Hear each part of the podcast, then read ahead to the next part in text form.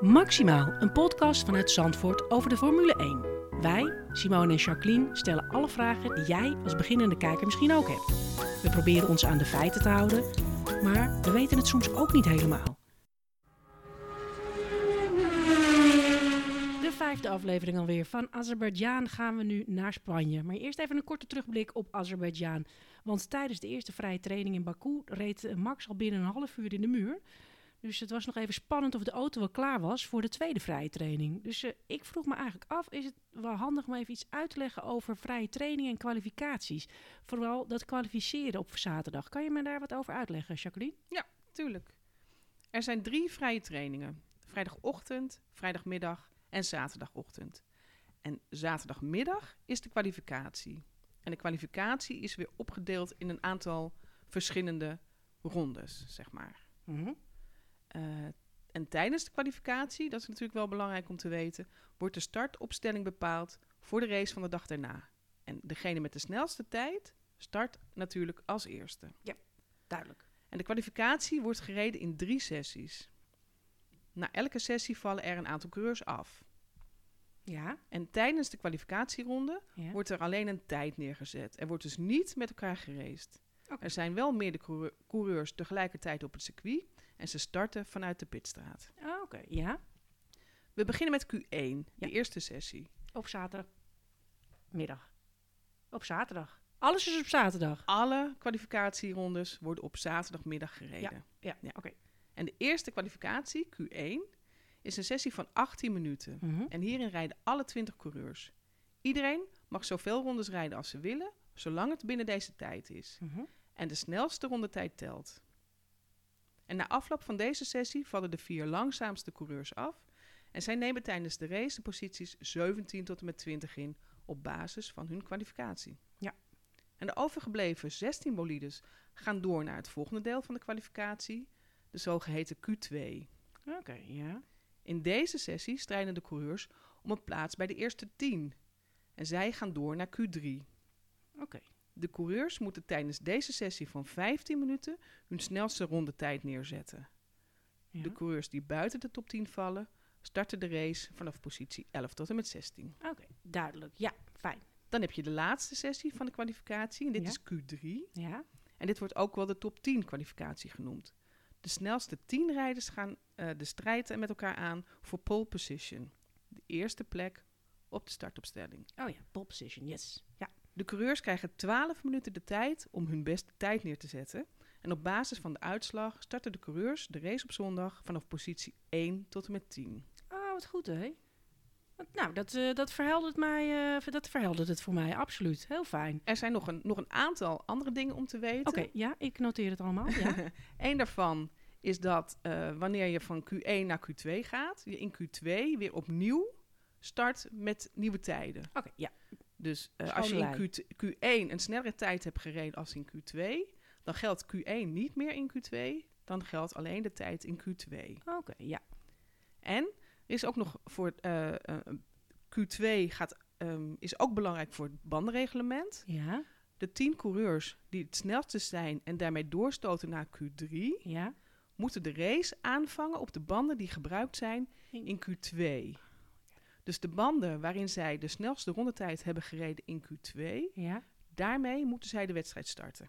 Oké, maar oké, dus de banden uit Q2 nemen, nemen ze mee naar de, de- naar de race op zondag. Precies. Alleen de snelste 10. De snelste 10. Dus als je nummer 11 bent, Ja, dan mag je kiezen.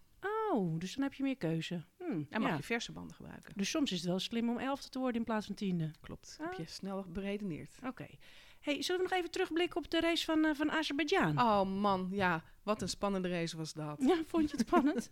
Zo. Nou, ik- oh, Oké, ja. Ja, het circuit aan de Kaspische Zee heeft ondanks het lange rechte stuk de start-finish dicht bij de eerste bocht geplaatst. Het is daardoor moeilijk voor de coureurs om direct naar de start een go- goede slipstream te pakken Ja. en een paar bolides in te halen. De eerste bocht ging echter helemaal goed en Vettel behield zijn koppositie. Maar bocht 2 was een bottleneck. Daar probeerden een aantal coureurs met drie, vier bolides tegelijk de bocht te nemen. En dat kan natuurlijk dat kan niet, hè? Nee.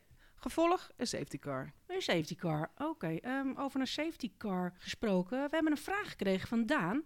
Die vroeg zich af, wie bestuurt eigenlijk de safety car? Ja, dat is wel grappig inderdaad. Goeie vraag. Ehm, over de safety car. Dit jaar is een gloednieuwe safety car in gebruik genomen. De Mercedes AMG GTR, die met 318 km per uur over het circuit kan scheuren. Oké. En dat is een flinke update voor Bernd Mailander, die al sinds jaar en dag de ch- chauffeur is van deze bolide. En samen met zijn bijrijder Richard Darker doet hij zijn rondes voor de eh, Formule 1 bolides over het circuit wanneer de baan moet worden vrijgemaakt of wanneer deze te nat is. Oké.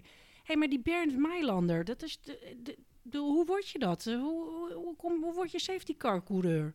Ja, hij is dat eigenlijk eh, per ongeluk geworden, Ja? omdat eh, de safety car coureur eh, 17 jaar geleden zelf de race reed. Oh, wat 17 jaar al, Ja, en toen mocht Bernd eh, eh, invallen voor hem. En, en sindsdien is hij de vaste bestuurder van de safety car. Oh. En bizar natuurlijk is om te weten dat eh, de safety car is een gewone sportief uitgevoerde alledaagse wagen. En de coureurs rijden natuurlijk in een Formule 1 raceauto. Ja. En eh, vaak is de klacht dat de safety car te langzaam rijdt. Ja. Oh, oké. En Ja. ze, de- die klacht is dat hij te langzaam rijdt, waardoor ze hun banden niet warm kunnen houden en dus grip verliezen op de weg. Ah, oké. En dat zagen we ook bij de tweede safety car eh, situatie, afgelopen race in Ja. Azerbeidzjan. Ja. Eh, dat Grosjean pijnlijk crashte achter deze safety car. Ja. Hij verloor namelijk de macht over het stuur, terwijl hij aan het zigzaggen was om de, eh, om de banden warm te houden. Ja, ja, ja, ja, vast. Zigzaggen. Zeker een cd'tje aan het verwisselen. maar ja, goed. Eh, waarschijnlijk was dit de laatste race in Baku, heb ik gehoord. Want eh, Miami wordt, wordt genoemd als opvolger van het, van het circuit van, van Baku. En we hebben de eerste beelden van het circuit al daar al gezien. En die gaat dwars door de haven van Dexter heen. Dus ik ben, ben benieuwd welke lijken er dan weer uit de kast vallen. oei, oei. Maar ja, ik, ik vind het ook wel heel spectaculair als we naar Miami gaan. Goed, en dan hebben we het nog even over die twee pannenkoeken die tegen elkaar zijn gereden. En dan houden we er echt over op, over Ja. Want we gaan gewoon lekker naar Spanje. Eerst nog even het slot van de mega spannende race, die door de, de tweede safety car situatie eh, verrassend door Hamilton werd gewonnen. Ja, toch wat toch weer een verrassing. De boel geen punten. Maar ja, op naar Spanje.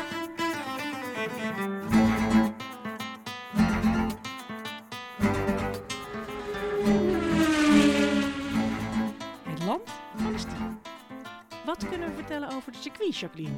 Ja, het 4,7 kilometer lange circuit van Barcelona. Van welk? Barcelona? Oh, heerlijk. Nog één keer. Nee, Jawel. Barcelona. Oké. Is een van de best ontworpen circuits van de afgelopen tijd. Zeggen sommigen. Oké. Ik denk dat ik het daarmee eens ben. Het heeft acht linksdraaiende en vijf rechtsdraaiende bochten. Het is een van de weinige circuits waar speciale testsessies worden gehouden. En de coureurs kennen elk stukje asfalt als een broekzak. Oké. En natuurlijk herinneren Ja, we de winst van Max in 2016, waarmee hij de jongst, jongste F1 Winnaar Winnaar werd. ooit werd. Nou, dat kan hem nooit ook meer afgenomen worden. Wat fantastisch was dat. Het plafond ging eraf volgens mij hier. Ja, zeker weten. Hey, wat, eh, wie zijn de kanshebbers eh, voor dit aankomende Grand Prix?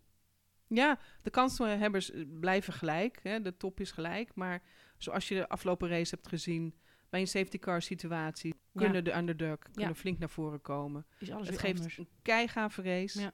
Ehm, maar eh, ja, twee mensen van dezelfde team, alsjeblieft niet meer tegen elkaar rijden. Nee, zeker niet. zeker Helemaal niet. niet meer tegen elkaar rijden. Gewoon racen. Ja, vind ik ook. Maar ja, dat is natuurlijk wel meteen het geruchtencircus. Ricardo, waar gaat hij heen? Zomaar alleen. Ik weet het niet. Nee, Ik vind het spannend. Of niemand gaat. weet het. Nee, nog niet. Blijft hij? Gaat hij? En als hij gaat, waar gaat hij heen? Waar gaat hij heen? Nou, Meer daarover als Oh, er meer bekend is. precies. En we gaan op naar Spanje.